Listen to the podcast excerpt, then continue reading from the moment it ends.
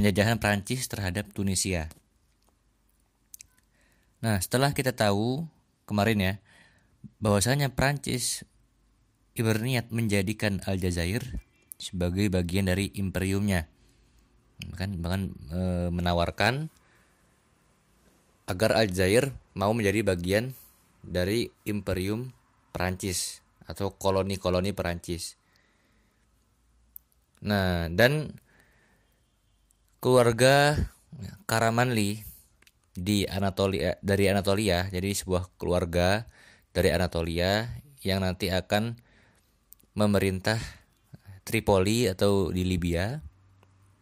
Dan juga para bey bey itu istilah untuk amirnya di Tunis ya di sini Tunis.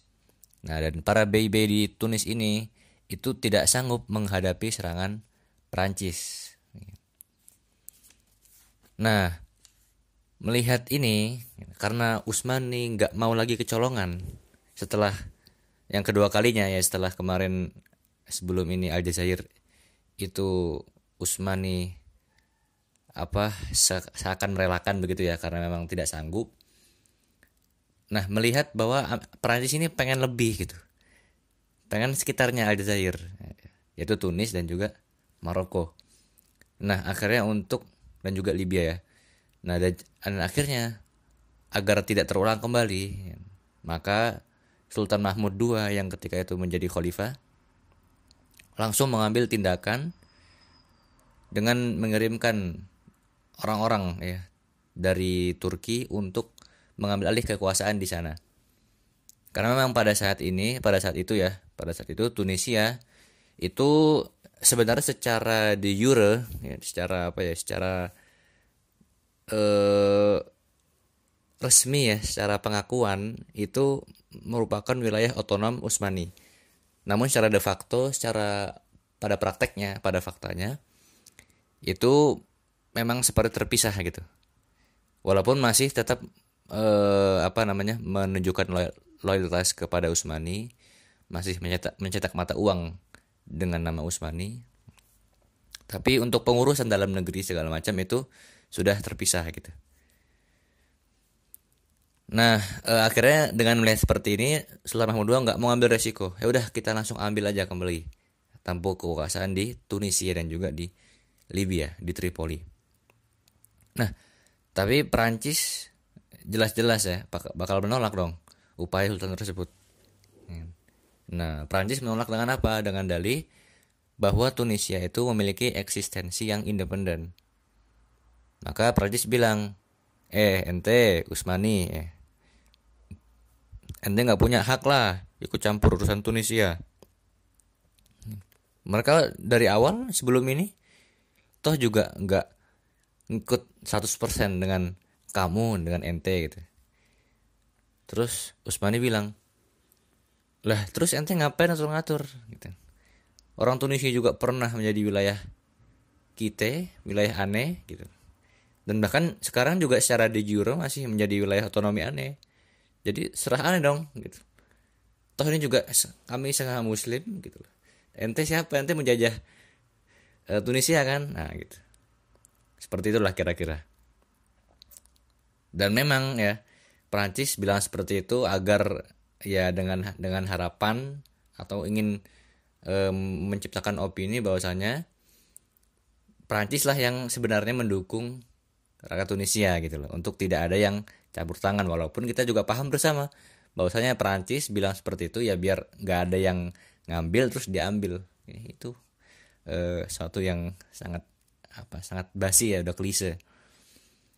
Nah namun keinginan Perancis ini tidak akan berjalan mulus karena Italia dan Inggris juga punya keinginan yang sama nah kesamaannya dilihat dari mana dilihat dari Adanya persaingan antara ketiga ya, negara tersebut yaitu Perancis, Italia dan juga Inggris dalam merekrut sebanyak-banyaknya orang dalam dari kalangan Tunisia.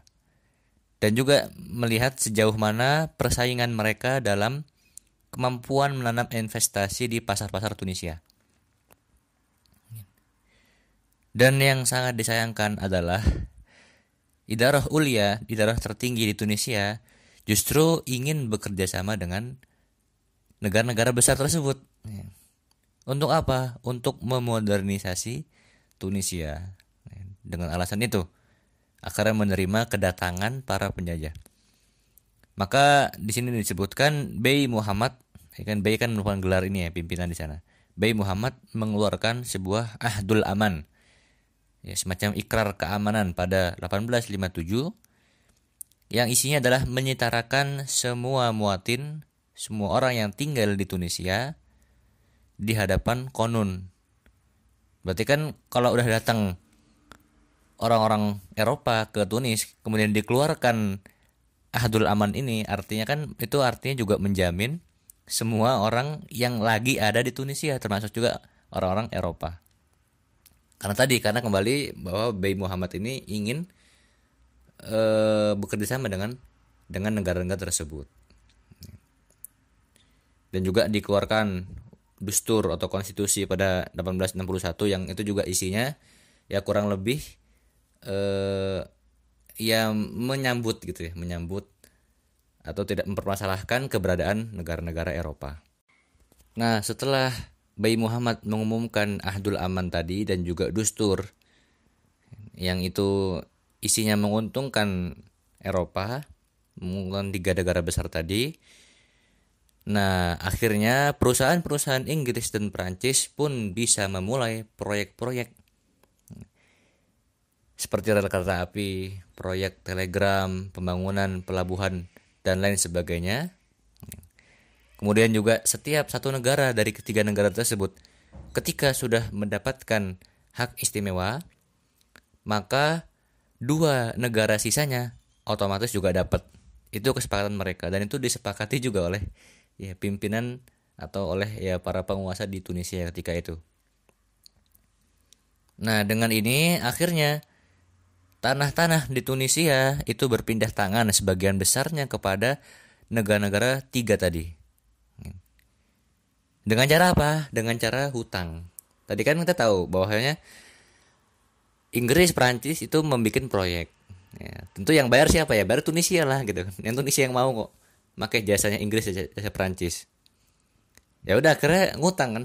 Nah, nah dengan adanya hutang inilah akhirnya Inggris, Prancis, ya, dan juga Italia itu meminta menuntut hak ya, imbalan nih kami udah e, bersedia membangun atau mengadakan proyek buat kalian.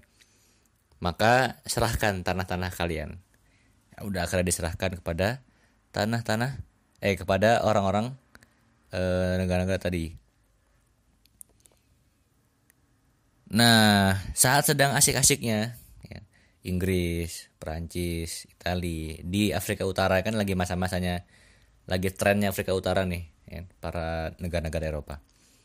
Nah lagi asik begitu mereka tiba-tiba dikejutkan dengan ya, keunggulan Rusia. Ketika apa? Ketika Rusia berhasil mengalahkan Utsmani pada perang Rusia Turki pada 1877 sampai 1878 itu terjadi perang di Laut Hitam yang kemarin juga udah ana kirim eh, apa petanya. Di sana Utsmani kalah dengan pasukan Rusia. Yang kekalahan itu diakhiri dengan ditanda, tanganinya perjanjian namanya Stan San Stefano pada 1878. Yang salah satu poinnya adalah pendirian kepangeranan Bulgaria Romania dan juga atau lagi lupa nah. Pokoknya negara-negara yang dulunya juga masuk wilayah Utsmani itu di eh, apa? dimerdekakan. Karena Utsmani kalah gitu. Istilahnya eh, biaya kekalahan gitu. Dengan dididik, didikannya Bulgaria.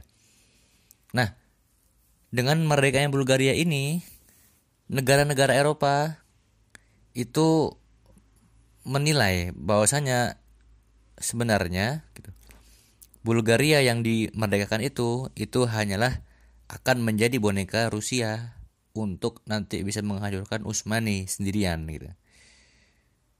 Yang mana pastinya hal ini akan mempengaruhi neraca internasional, ya, tawazun ad-dauli, keseimbangan internasional. Nah, jelas ya, Eropa nggak nggak bakal mungkin diem melihat hal ini. Akhirnya, ya, seorang kanselir Jerman, kanselir itu sama seperti perdana menteri ya. Ini kanselir bukan selir ya. Kanselir Jerman yang bernama Otto von Bismarck itu berinisiatif untuk mengajak negara-negara Eropa berkumpul ya, dalam sebuah konferensi di Berlin pada 1878 di tahun yang sama di tahun diadakannya juga perjanjian San Stefano sebelum ini langsung segera Jerman mengajak Eropa untuk berkumpul ya mengadakan konferensi di Berlin dalam rangka merevisi perjanjian San Stefano yang dianggap ya, Eropa keberatan apa e, menerima hasilnya. Akhirnya pada tahun yang sama juga dikeluarkanlah atau disepakatilah yang namanya Traktat Berlin atau Kesepakatan Berlin sama aja. Yang mana tujuan dari revisi ini tentu bukan mau menolong Usmani ya, ya bukan kasihan dengan Usmani, enggak gitu. Tapi untuk menjaga kepentingan Eropa juga di sana. Jadi Eropa nggak mau melihat Rusia sendirian yang yang dapat yang benefit gitu, yang untung. Dan juga membatasi negara-negara tadi yang sudah merdeka seperti Bulgaria, Rumania menjamin ya, memastikan untuk tidak tunduk kepada Rusia, tidak di bawah kendali Rusia. Eh, lagi sibuk-sibuknya konferensi tadi, tahunya Inggris sempat aja dudukin Siprus. Siprus itu pulau kecil di sampingnya Suriah jadi dia di pulau di tengah laut ini, laut Mediterania, laut tengah. Di sebelah kirinya Suriah, di bawahnya Turki. Itu ada pulau Siprus itu. Nah, jelas lah tindakan Inggris ini memicu amarah Eropa yang lain dong, terutama Perancis. Perancis sangat protes dengan Inggris. Jadi ini saling iri-irian lah kalau kita ya lihat kayak anak kecil gitu. Nah akhirnya Prancis iri apa ngambek segala macem sampai akhirnya e, Prancis dapat Tunisia ya, yaitu pada pada di sini ya, setelah kita bahas tadi. Nah Italia gimana? Italia ngambek ya, galau dia. Militernya nggak sekuat Inggris, nggak sekuat Prancis, tapi juga pengen gitu. ya, gimana? Kayak anak ini, anak paling bungsu gitu nggak punya nggak sekuat kakak kakaknya gitu tapi pengen juga gitu. ya udah akhirnya Italia ngambek eh akhirnya membelot dan mengadakan atau mem mengadakan ya mengadakan sebuah aliansi dengan Jerman dan dan Austria yang yang mana nanti dikenal dengan aliansi tiga yang nanti itu akan menjadi apa namanya blok oh apa blok sentral di perang dunia pertama jadi di awal dari sini Italia di awalnya memang gabung di blok sentral, tapi e, di tengah-tengah perang Italia pindah kubu ke sekutu. Nah itu terus lanjut ya dikit lagi nih. E, nah pada perang dunia pertama Tunisia juga berusaha mengajukan urusan mereka ke PBB tapi sama sekali hasilnya juga sama kayak Mesir ditolak eh ke LBB maksudnya Terus di Perang Dunia Kedua muncul sebuah sosok bernama Habib Burkuibah yang mampu menggerakkan massa di Tunisia. Sampai pada awal Perang Dunia Kedua, Prancis sempat terpukul oleh Jerman. Yang kalau mau tahu silakan dilihat Perang Dunia Kedua ya. Yang itu akan mele pasti melemahkan kekuasaan di koloni-koloninya. Nah, akhirnya gerakan patriotisme semakin kuat. Terus melihat eh, keadaan ini Prancis kesel kan? Ini kita lagi kalah terus Tunisia juga pada ini ya pada semakin kuat gerakan patriotisme. Akhirnya ditangkepin orang-orang Tunisia yang mengadakan Kongres Nasional pada 1946 terus diprotes akhirnya kemudian dilepas lagi. Dan akhirnya negara-negara Arab itu mengajukan masalah Tunisia ke PBB karena PBB udah ada kan setelah Perang Dunia Kedua pada 1952 sampai akhirnya Perancis pun menyerah. Dan Tunisia berhasil merdeka pada 1956.